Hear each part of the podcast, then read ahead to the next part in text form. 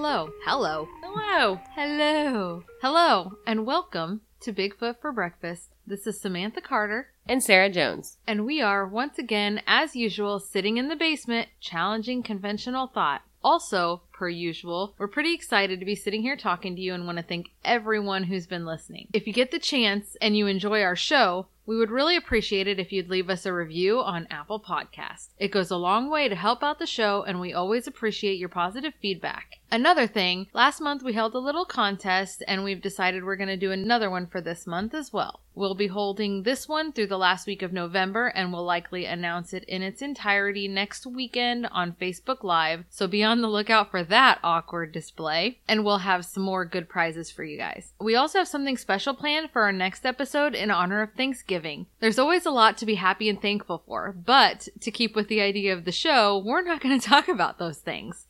So make sure and tune in next week as well to see what we've got planned for one of our favorite holidays. Hey, do you like politics, conspiracy, current events, and just plain whimsical nonsense? These topics and more can be found on the Question Everything Guys podcast. a weekly episode podcast available on iTunes, Spotify, Spreaker, Stitcher, Google Podcast, and various other podcast hosting platforms. No topic is ever too serious. None of the jokes are politically correct, and all of the questions come with minimal answers. Huh? What? Come join your host, Lanny B, Sean, The Mick on, on the Question Everything Guys podcast. That's go.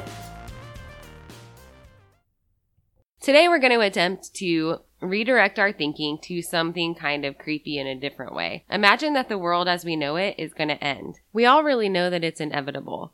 But to us, regular everyday people, it seems like something that is billions of years away. Nothing to really worry about for us. And that is likely true.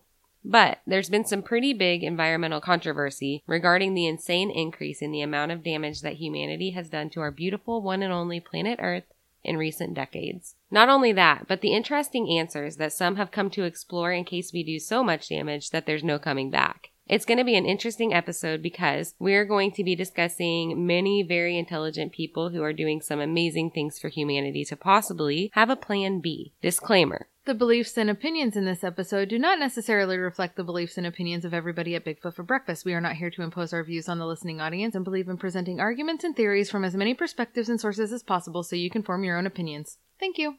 How many existentialists does it take to screw in a light bulb? How many? Two. One to screw it in, and one to observe how the light bulb itself symbolizes a single incandescent beacon of subjective reality in another world of endless absurdity, reaching out toward a maudlin cosmos of nothingness. That's deep, bro. Right? I got it off of Criminal Minds. Hashtag Spencer Reid. I love you. Same. Speaking of Dr. Spencer Reid, um, he actually did just publish a book not too long ago called Rumple Buttercup, a story of bananas, belonging, and being yourself. Check out Matthew Gray Gubler. The earth exhaled and has now begun to die. It's a scary thought that Earth may someday end up like Mars, a planet that is thought to have once been full of life but is now just nothing uninhabitable. Any civilizations, families, beings who likely tried to save themselves and each other, anything that is left is buried far beneath the surface and probably forgotten. Did they endure some catastrophic event over which they had no control? Did they see it coming or try to stop it? Did they accept their fate or were they advanced enough to escape? Were they the cause of their planet's depletion? All good things must end, even if it's probably billions of years away. Hopefully. Or, you know, did they send a spaceship with two survivors and they landed on Earth? That is a theory that is pretty popular. Adam and Eve, maybe three survivors, Adam and Eve and Lilith. I'm Mm. just throwing that out there. They are the ancient aliens. Yeah. They came here, and now they are among us, or they are us. You know, they say, what is it? People with, is it red hair? No, no, no, no, no, not redheads. It's um, Everyone's always trying to blame the redheads. No, I'm not blaming you. No, it's there was like a theory about um people with the RH negative factor in their blood are like descended from an alien line. There's a theory. You should look it up. It's pretty cool. I'll have to Google it. Anybody who doesn't know what the Rh negative factor is, you should check out that theory. We're gonna have to employ the Google on that. Any of you ladies who've had to receive RhoGAM injections sure know what I'm talking about. yep, you might be one of them. You're all alien. Now you're tagged. right? It's really just a capsule that we inject so we can keep track of all We of know the alien people. We're getting real Alex Jones up in here. I've given those injections. Doubt me. It's pretty well known that NASA and other scientists have been working to explore other solar systems for signs of life by looking for other planets that might be inhabitable. There is speculation that this is happening for various reasons. One, for the sake of exploration itself. Two, the obvious perpetual search for other life. And three, to find other Earth like planets, possibly to serve as our future home when we have fully depleted our own planet, or it is destroyed by the natural cycle. Which Elon Musk is from the future, so he knows what's going to happen, so I'd believe him. Well, there's a lot of I don't know if they're for real or not, but there's a lot of people who are like, who is Elon Musk? Is he a time traveler? Yes, he's a time traveler. Okay. Elon Musk is the s- SpaceX guy. Okay, I know you're talking about, but that he's not the only one. He's not the only one that has predicted, you know, end of the world Yeah, thing I know, but he's just very outward about it. and very um I read an article in the newspaper about him and it was really mm-hmm. interesting and I was surprised that it was in the newspaper. Like in the actual I don't remember which newspaper it was, but it was like a credible was it like the Times? I don't I don't know which which news sources to consider credible anymore. That's true. That is so true. But at least I don't know. I I found it surprising that they would go that direction in their news because usually they're pretty conservative. Not conservative, but not. Not existential. Or what's word the you word? Not. Um. I don't know. They don't usually talk about things that people think are crazy. Okay. Yes, they do. I don't even know. I don't know. what I'm trying to say. Anyway, we're going to focus on the third thing. It's no secret that Earth is a dying planet. But before we go into the search for alternate planets, we have to first establish the possibilities that we're facing as humanity here on our own. It is there are several possibilities, so bear with us.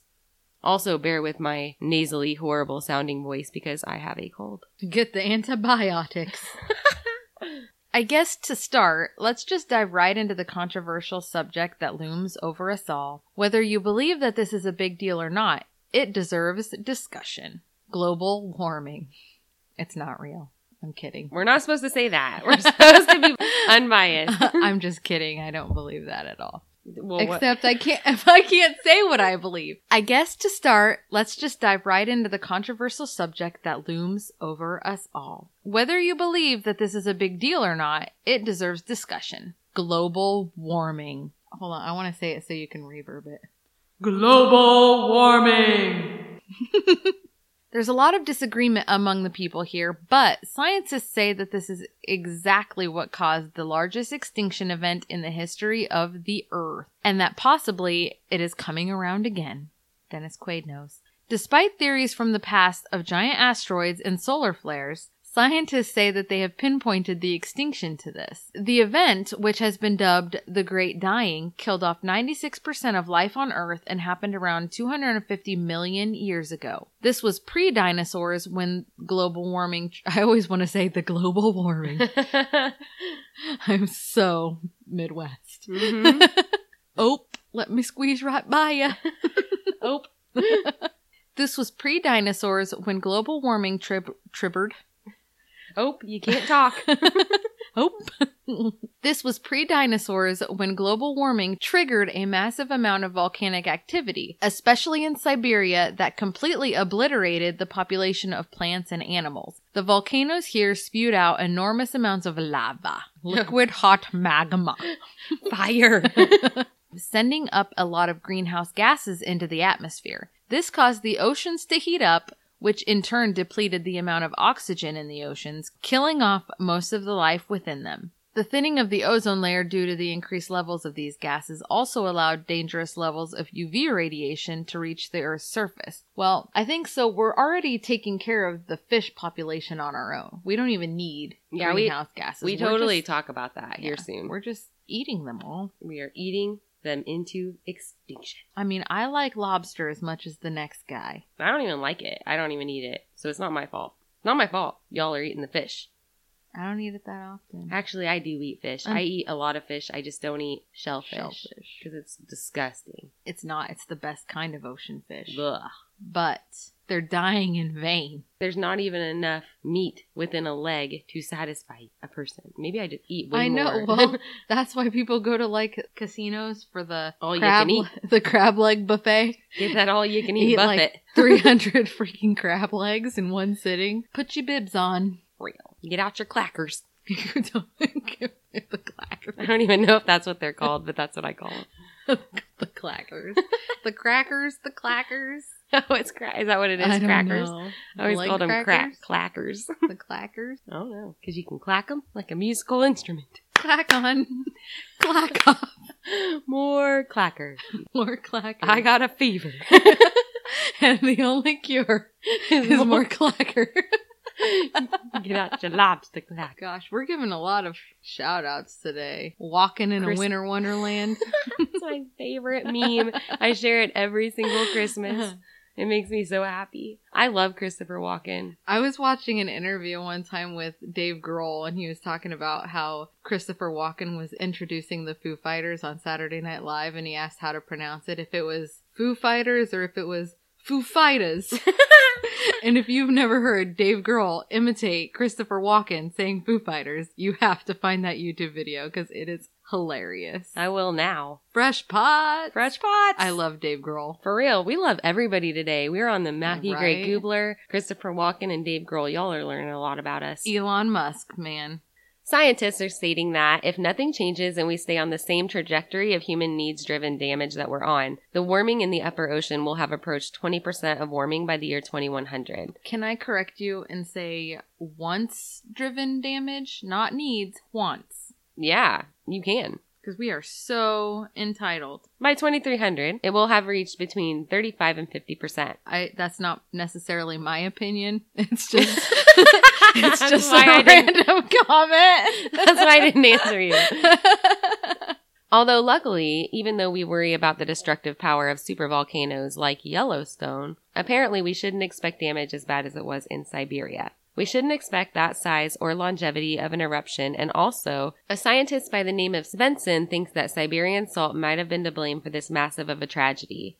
The combination of the heat from the lava and the salt on such a large scale significantly increased the gas emissions even more. In the case of the great dying that we've already experienced, the amount of sulfur and other gases that were being pumped into the atmosphere due to global warming starved the Earth's oceans of oxygen by about 80%. The oceans heated up and the oceanic creatures experienced increased metabolism, which had them consuming more oxygen than usual. The seafloor became almost completely uninhabitable. We've been warned again and again that we are walking this wire still today. Now, to me, it seems like the controversy isn't necessarily whether global warming is happening, but whether humanity is the culprit, or whether it's really causing the problems that some say it is. That we obviously don't know here at Bigfoot for breakfast. We could give some strong opinions, but We we, have- won't. We have so many opinions. So many. All the time. A lot. Facts, no. Sometimes. we have facts. They're just other people's facts. We are not world renowned scientists yet. Yet. life goals. The other side kind of makes sense too that it isn't us causing the problems. It's said that volcanic eruptions such as Mount St. Helens in the 80s spews more greenhouse gases and pollutants into the atmosphere than mankind can produce in almost an entire history. So maybe it's just the natural cycle of Earth that it goes through and we're not making this much of a negative impact as some think. We don't know. And before we start getting hate mail for my mentioning the fact that maybe humans aren't all to blame, keep in mind that we're simply referring to statements made by scientists on both sides who are a lot smarter than us. And we recycle. So So there's that. You know, it could be like a self cleaning cycle, you know, every so often. Ew, you've got humans. just wipe them out. Ew. like a lice treatment. Like bed bugs. We are kind of parasitic, but we're also kind of fabulous. I bet bed bugs think they're fabulous too. I bet they do. You guys ever find shower spiders? no. no. I don't know if they like the warm in there. You get your shower spiders. I would just die if there was a. Have we already discussed the fact that I that you're I'm obsessive terrified. about toilet spiders. I And think sh- we brought that up. toilet spiders and shoe spiders are like my worst fear. One time I had a car spider and I about died in my car. I mean that was about the end of me. Literally, before you put on a pair of shoes, they get thrown on the ground really hard first. I caught my kids doing that. The other day, I was like, "What are you doing?" And she's like, "There might be a spider in there." I'm like, "Right? That is a legit fear. You're passing on your irrational fears to your children. That is not irrational." One time, the guy from Casey, I was standing outside my car, staring into the interior while I was holding my pizzas, and I didn't know what to do because there was a spider on my center console, and it was a decent sized spider. And you I'm- couldn't get in your car. Well, all I could think about was it would go away. I would scare it when I got in, and, And then, then I wouldn't wouldn't know know where, where it it was. is. And then it would appear as I was going 65 miles an hour. I mean, 55 miles an hour down the highway. we also do not commit crimes here at Bigfoot for breakfast. No traffic violations. I ain't going back. I ain't going back ever. Importance. Back to the episode. Where we at?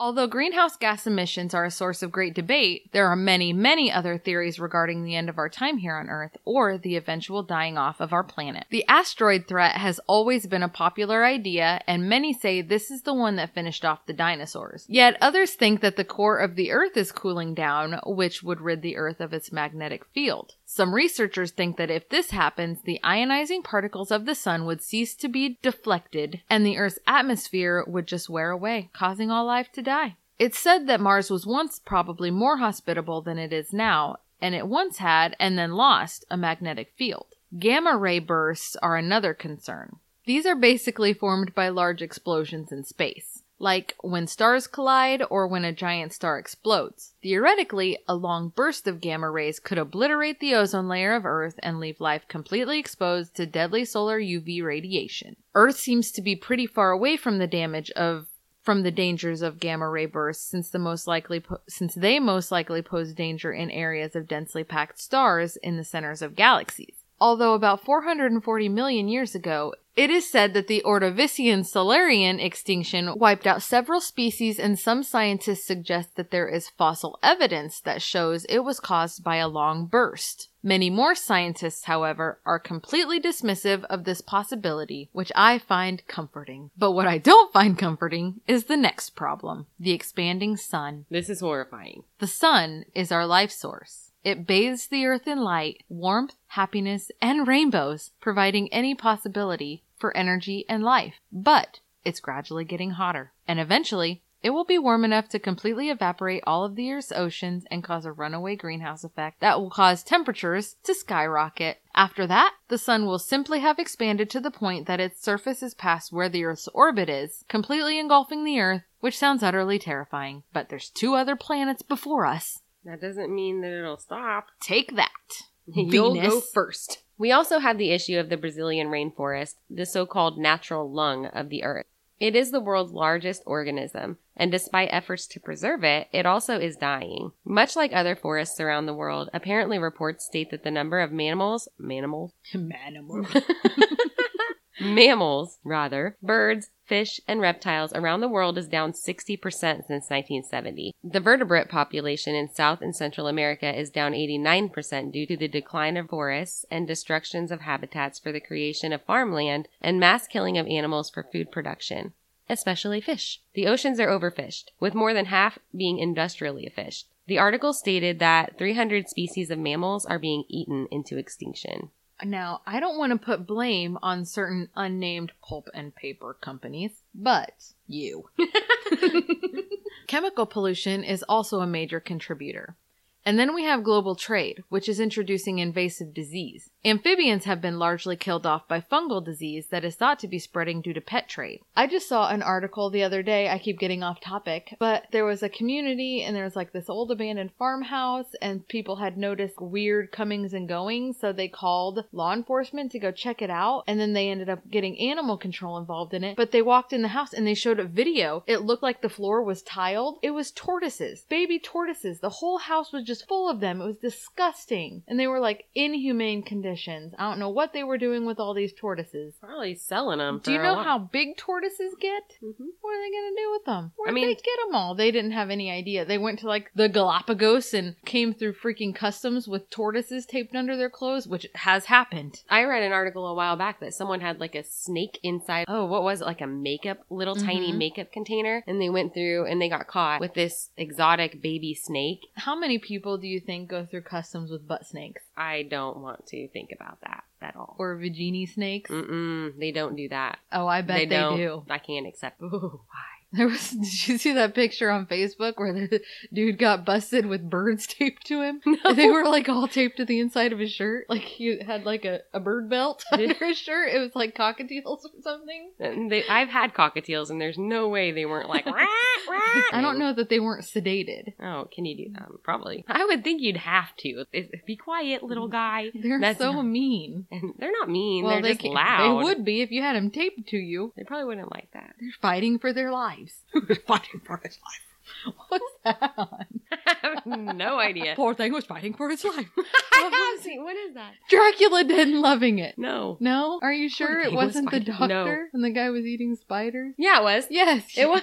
You have spider leg coming out of your mouth. Something like that. Poor thing's fighting for its life. that is the second time we've quoted Dracula I Dead and Loving It. I miss Leslie Nielsen, and he was a kind of a dashing gentleman in his day. I'm gonna go ahead and admit that I do not like Leslie Nielsen. I didn't like Airplane. I didn't like Airplane, and I also gasp did not like Lethal Weapon. No, the Naked, Gun. Naked. I hate okay, Naked legal. Gun. Just so we clear, Lethal Weapon is awesome. First of all, I hate Lethal Weapon. Naked. The Naked Gun is the worst. I feel like For Mel as popular as that was, Mel Gibson's character in Lethal Weapon was horrific. you need to stop. Opinions expressed here do not necessarily reflect the opinions of Bigfoot for breakfast. I think they obviously do. I think it was a scientist's direct quote. It was science. What does a scientist know about Mel Gibson's character and Danny Glover Um, was ph- phenomenal. I love Danny Glover. He was good. I just didn't like Mel Gibson's character. I liked him. I just don't know why. I d- Maybe it was the haircut. I don't know. When he form tackled that guy during the middle of the movie by accident, remember that? Yeah, I just, I don't know. Anyway, let's get back to The Earth is dying. The Earth is dying. All right. Okay, so now we've talked about all the negative, horrible things that could possibly happen to human existence in this wonderful planet that we inhabit. And even though none of these things will likely happen during mine or my child's lifetime, I remain thoroughly freaked out and overwhelmed nonetheless. So let's move on to some of the more interesting positive things that are going on in response to this information that scientists are dishing out regarding our hopefully not so bleak human future. For years and years, astronomers have dreamed of a shiny new planet that would be inhabitable for humans that they could present to society as a sort of backup plan. Even if a planet like this is found, one that could easily support humanity, it would likely be one that takes millions of years to get to with the technology we have today. But keep in mind, it's worth exploring because all the things on the previously mentioned list of things that could destroy life on Earth aren't expected to happen for millions of years. I'm pretty sure technology will come a pretty long way in that span of time. Human technology is evolving so quickly that we can't even begin to predict or understand what will have evolved in the next couple of million years. When I think about traveling to another planet, I think of WALL-E. I love that movie for this very reason. Yeah, and we're all going to end up being gigantic, living on a ship, drinking cupcakes from a cup. From a cup. I, I would totally. I mean, I'm on the cupcake in a cup bandwagon. I would do it. I don't would like be- the idea of slurping any food that's supposed to be solid. When we were kids, there wasn't even an internet.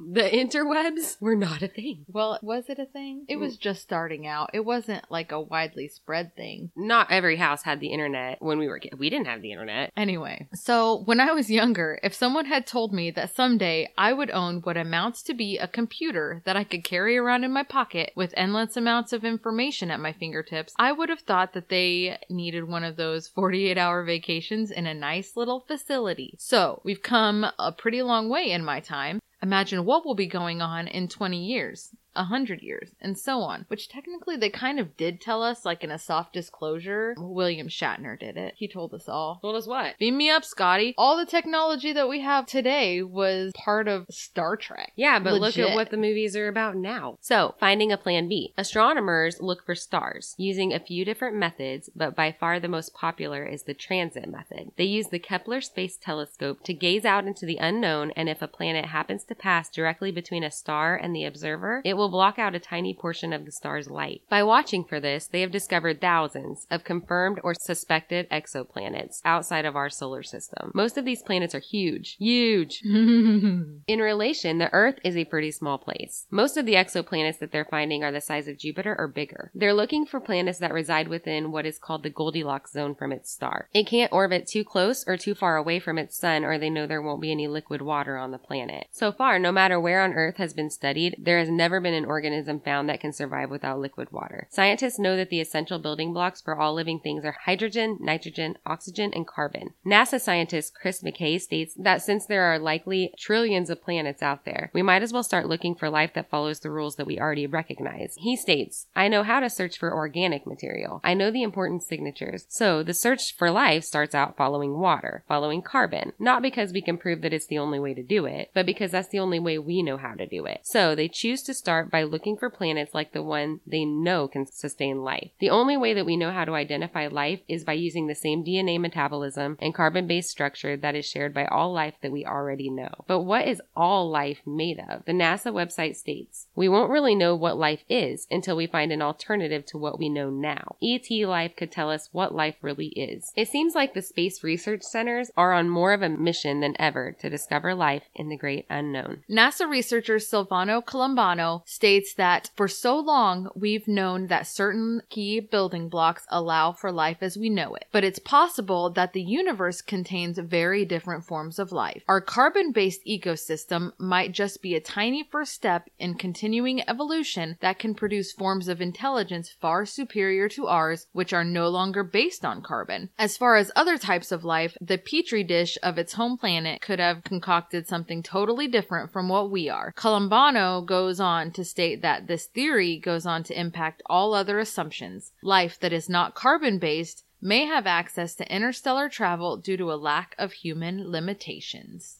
That sounds pretty exciting. Kepler 22b was the first planet found by the telescope within the Goldilocks zone of its sun or star. The next step would be to find out how big it is and what it's made of. If it's small, it would likely only be made of rock and ice. If it reached a certain size, it would be able to hold a certain level of gas and it would have an atmosphere, like our very own Earth. If too big, it would qualify as a gas giant like Jupiter and Saturn. Scientists can tell how big a planet is by viewing its star and detecting the amount the star wobbles in response to the gravitational pull of its planet. If it's a tiny amount of wobble, it's a very small planet. Due to information that they got from the Kepler telescope, they're thinking that this is a dense water world with an ocean floor that is thousands of kilometers below the surface of the water. It would be hard to sustain human life, but could easily support others. But where NASA was just looking for microbial life, they are now looking for signs of advanced life. Life that is advanced enough to create technology. Life that they can communicate with. They're looking for something called technosignatures. And as of now, the best known technosignature are radio signals, but they're exploring others as well, like laser emissions, signs of massive structures, or a polluted atmosphere on any one of these exoplanets within the Goldilocks zones of their stars. And this really isn't a new concept, it's just become more realistic the more space technology advances.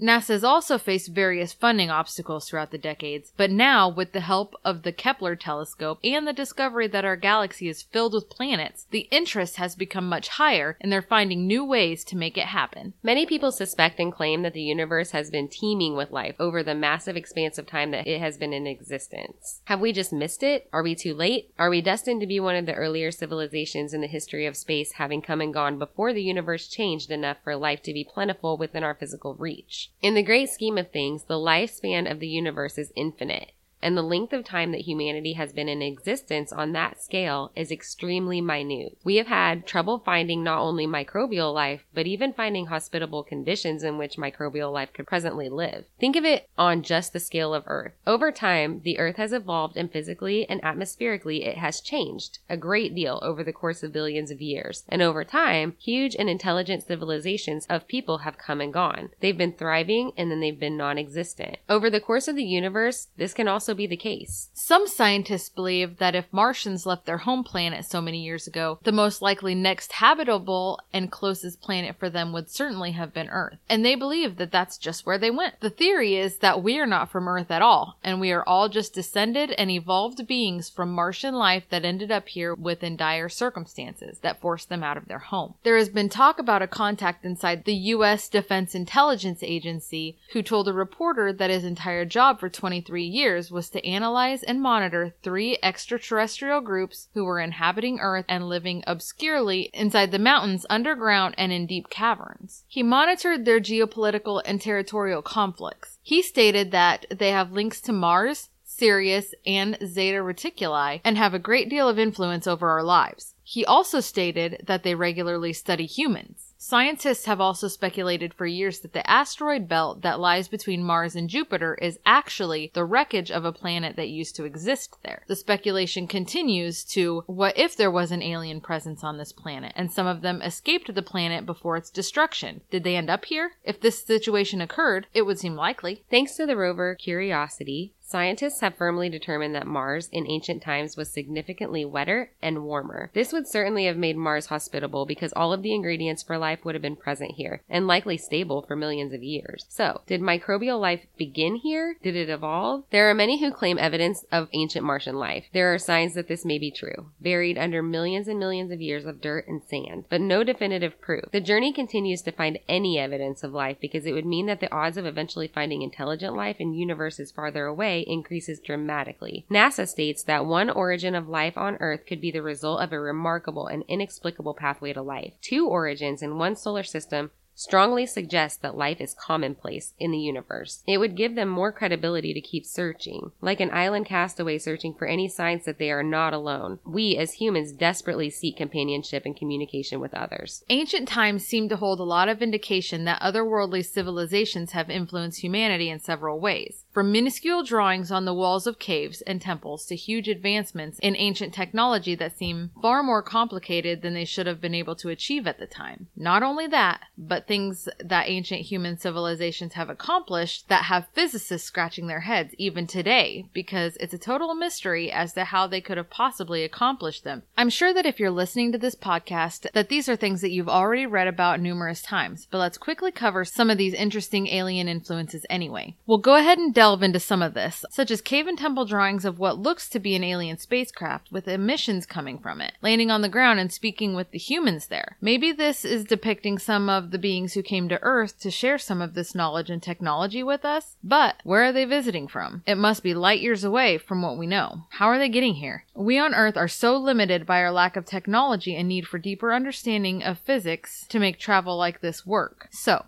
this made me curious, and I read quite a bit about this, but the most interesting and basic piece of information that I found was this quote. There are technologies that can bend space and time, point to point, and there's a writer named Philip K. Dick, and he wrote in one of his books, an absolute accurate description of what I know to be true out there. You can control gravity, space, and time. You can be at this point and you want to go to this point. It doesn't matter if it's a billion light years, 10 billion light years. You just make the technology take the point where you are and the point to where you want to go in the universe and you close it. And you can build a doorway on the planet that you're beginning on and on the other side of the doorstep, you can be on another planet light years away. This is happening in our universe now. There are beings who can step without using time from one end of the universe to the other. I think that's awesome for the record. So, anyone who has seen Ancient Aliens knows that there are plenty of people who theorize that aliens have been visiting us since the beginning of our time on Earth, planting seeds and helping evolution along. This idea was first presented in the 50s by a Soviet mathematician named Mikhail Agrest. Back to Philip K. Dick, the author that we mentioned earlier, the government was said to have been tracking him after a contact experience that he allegedly had with a spacecraft called the Black Knight, and this was possibly a link to his death. In an online docuseries called Mysteries of the Solar System, a man named Randy Cramer from the Marine Corps Special Section is interviewed and states that the Black Knight is said to be a satellite that flies around the planet in a very peculiar pattern in a polar orbit. It's hard to monitor because of its unpredictable flight and small size. Astronaut Gordon Cooper took a journey in orbit around Earth and came across this craft. He described the craft as black and green with a pulsing glow about it. They know that it is over a hundred thousand years old and has been recording information and data on Earth for almost all of this time. It is believed to be dead or failing at this time because it's no longer emitting or receiving signals. It seems to be sputtering information and controlled by an AI system. It's said to have somehow beamed data to Philip K. Dick, and this is how he received all of this information on which he based many books. And he obviously isn't the only one. This special section of the Marine Corps is apparently keeping tabs on many influential people who have allegedly been contacted by other worlds, such as Carl Sagan. Sagan is an astrophysicist who is very influential and whose mentor was said to be part of the Majestic 12, which we will also likely cover in a future episode. Sagan was really one of the scientists who kickstarted the idea of ancient astronauts back in the 60s. He's one of the people who interpreted ancient Sumerian texts and found information about a fish like being who taught our early civilizations agriculture, math, and arts. He also translated cuneiform tablets and posed the idea that there is an undiscovered planet in our solar system that orbits in a 3,600 year cycle. This is home to an alien race called the Anunnaki, and these beings were responsible for jump-starting our civilization and bringing all of these new ideas and technology into play and helping us advance. Sagan is the one who named their planet Nibiru. Fun fact, there is a whole lot being said about Nibiru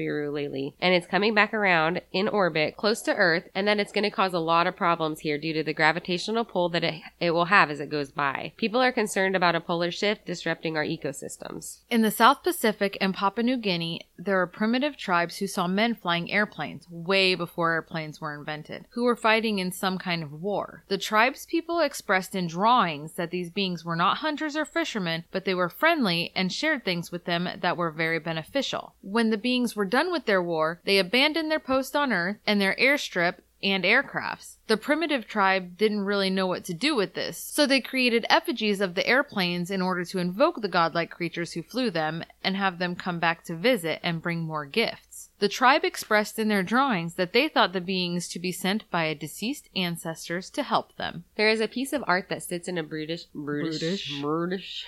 British, that sits in the British Museum in London. It came from the palace of the king of Assyria in northern Mesopotamia and is dated 865 to 860 BC. The king, Ashurnasirpal, appears in the scene wearing the royal robe of the gods, while a Mesopotamian god named Shamash, Shamash, hovers above him in a winged disc with a ring in his hand, which is a symbol of sovereignty. It shows some, sham, I don't know how to say that. Shmosh. Shmosh? Shmosh. Shamash. Shamash. Hulk- Shamash. Hulk smash shamash. Hulk Shamash. Shamash? He hovers over him in a winged disc, leading the king into battle. Ancient astronaut theorists think that Shamash is depicted as a flesh and blood ET and is part of a group of flesh and blood gods called the Anunnaki. The Sumerian records show that the Anunnaki was led by Enki, who came from Earth and taught them about the afterlife. Many drawings show Enki in a similar winged ship to Shamash's. Many ancient Egyptian and Sumerian texts and art depict things that could easily be interpreted as flying saucers. Men who came from the stars and taught them things, celestial journeys taken by a select few, and the knowledge that these few shared upon their return home after they'd been enlightened by their alien friends. The famous Nazca lines of Peru are said to be another example, as are the Moai of Easter Island. The Egyptian pyramids, Stonehenge, the medieval map that is the Piri Reis map, which is said to be a map of the earth as seen from space, and many ancient texts and art. The book of Ezekiel states that a prophet had a vision of a flying machine that emitted fire, smoke, and noise. When described, the machine's design seems to match up pretty well with the description of modern UFOs. The Bible indicates several times that godly figures came from the skies to interact with earthly humans, helping them to build things and sharing their knowledge. Many massive monuments and structures were built with extreme mathematical precisions with megastones that would have been extremely unlikely to have been moved with the technology at the time. We're not sure what all of this means, but can definitely see how it poses a whole lot of questions and promotes alien theory. There was an interview on Good Morning Britain with American astronaut Al Worden of Apollo 15, who also spent quite a bit of time orbiting the moon in the command module Endeavour.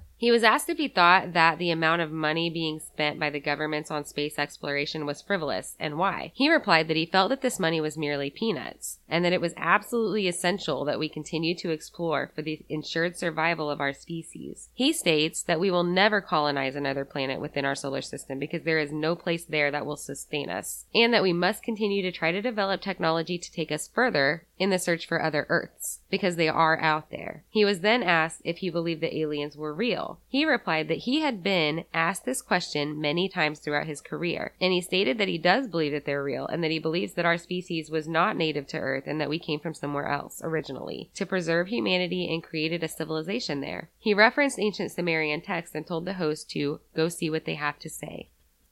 So that's it. That's the end of our episode for this week, and we want to say thank you for listening to Bigfoot for Breakfast. We hope that you were able to find some interest here and gain some other perspectives. There are such strange and unexplainable situations and places in the world, and so many different interpretations, and it would be crazy not to explore them all. We will definitely be following and keeping up with what's going on in the search for exoplanets because to us, the thought of another Earth out there is simply fascinating. Also, we're going to touch on a lot of those other specific structures that we talked about definitely in later episodes. So look for that. If you get a minute and feel so inclined, stop by Apple Podcasts and drop us a review or whatever other platform. You have no idea how much this simple, short little task helps us out and we appreciate it more than you know. Don't forget to push the subscribe button on whichever platform that you're listening from as well so you can be updated whenever new episodes are posted. Until next time, my battery is low and it's getting dark. Come at me, bro.